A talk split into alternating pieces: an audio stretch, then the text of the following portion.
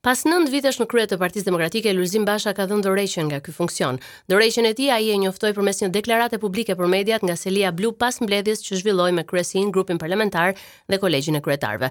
Basha pranoi se Partia Demokratike është në krizë të thellë dhe për këtë arsye ka vendosur të dorëhiqet nga detyra si kryetar i PD-së, për t'i hapur rrugë bashkimit të demokratëve.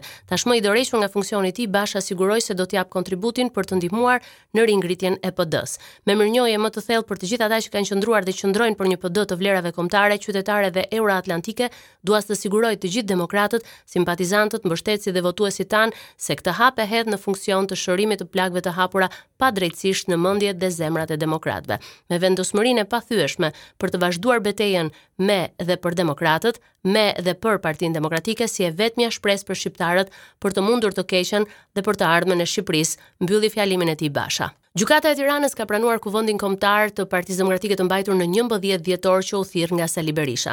Ndryshimet në statusin e PD-së, të vendosura në këtë kuvend, janë legjitime sipas gjykatës. Statusi i ri i PD-së dhe simbolet e reja janë miratuar. Kuvendi i dhjetorit të PD-së u mbajt në stadiumin Air Albania me udhëheqës Sali Berishën, mirëpo u cilësua si jo legjitim nga ish-kreu i PD-së Basha. Më tetëmbëdhjetë mars, gjykata njohu edhe ndryshimet statuore të Kuvendit të shtatëmbëdhjetë korrikut që u mbajt në Pallatin e Kongreseve, ku u morën disa vendime. Aktualisht PD-ja është e ndarë në disa grupime dhe pas dorëheqjes së Lulzim Bashës po bëhen përpjekje për bashkim edhe pse palët nuk janë ulur ende në bisedime. Një ditë më parë ka qenë kryeministri Sali Berisha i cili nënvizoi se nuk ka dy PD, por vetëm një dhe se janë të hapur për të diskutuar me çdo anëtar. Ministria e Bujqësisë tha se deri më tani në Shqipëri kanë rezultuar të prekur nga gripi i shpendëve mbi 358 mijë shpendë. Sipas zëvendës ministres Ermira Gjeci, sëmundja tashmë është përhapur në të gjithë Europën ku miliona shpendë kanë ngordhur si pasojë e saj.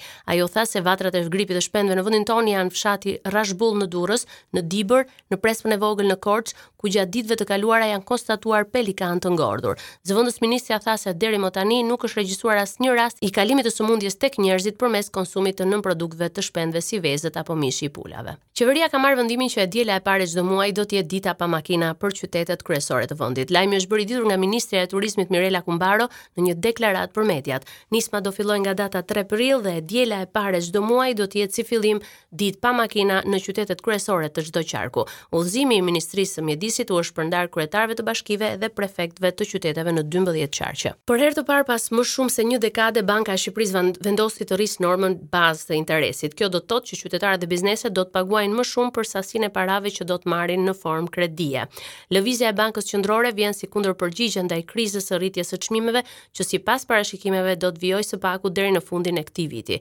Prej marsit të 2020-s, muaji i cili shënoi edhe nisjen e pandemisë COVID-19 në vend, Banka e Shqipërisë përgjysmoi normën bazë të interesit nga 1% që ishte. Sipas institucionit që harton politikën monetare, ky vendim do të inkurajonte konsumin, i cili gjendej në krizë, por tani që po ndodh e kundërta, Kërkesa është më e lartë se oferta, banka vendosi të dyfishojë normën bazë të interesit. Kryetari i grupit parlamentar socialist Taulant Balla ka folur për mediat pas mbledhjes së grupit edhe shpjegoi çështjet e shqyrtuara mes të cilave implementimin e paketës së rezistencës sociale. Balla u pyet për zgjedhjen e presidentit të ri dhe u shpreh se më datë 24 maj do të mbarojë procesi dhe do të kemi presidentin e ri të Republikës. Ndërsa pyetjes se si e shohin socialistët dorëheqjen e zotit Basha, Ai iu përgjigj se nuk ka ndonjë koment dhe rëndësi më shumë se çështja për të cilën dhe dhe rëndësi më shumë se çështja dhe shumë çështje për të cilën harxhohet shumë kohë është paketa e rezistencës sociale dhe implementimi i saj në dobi të çdo qytetari shqiptar. Raportoi nga Tirana për Radio SBS Gerta Heta.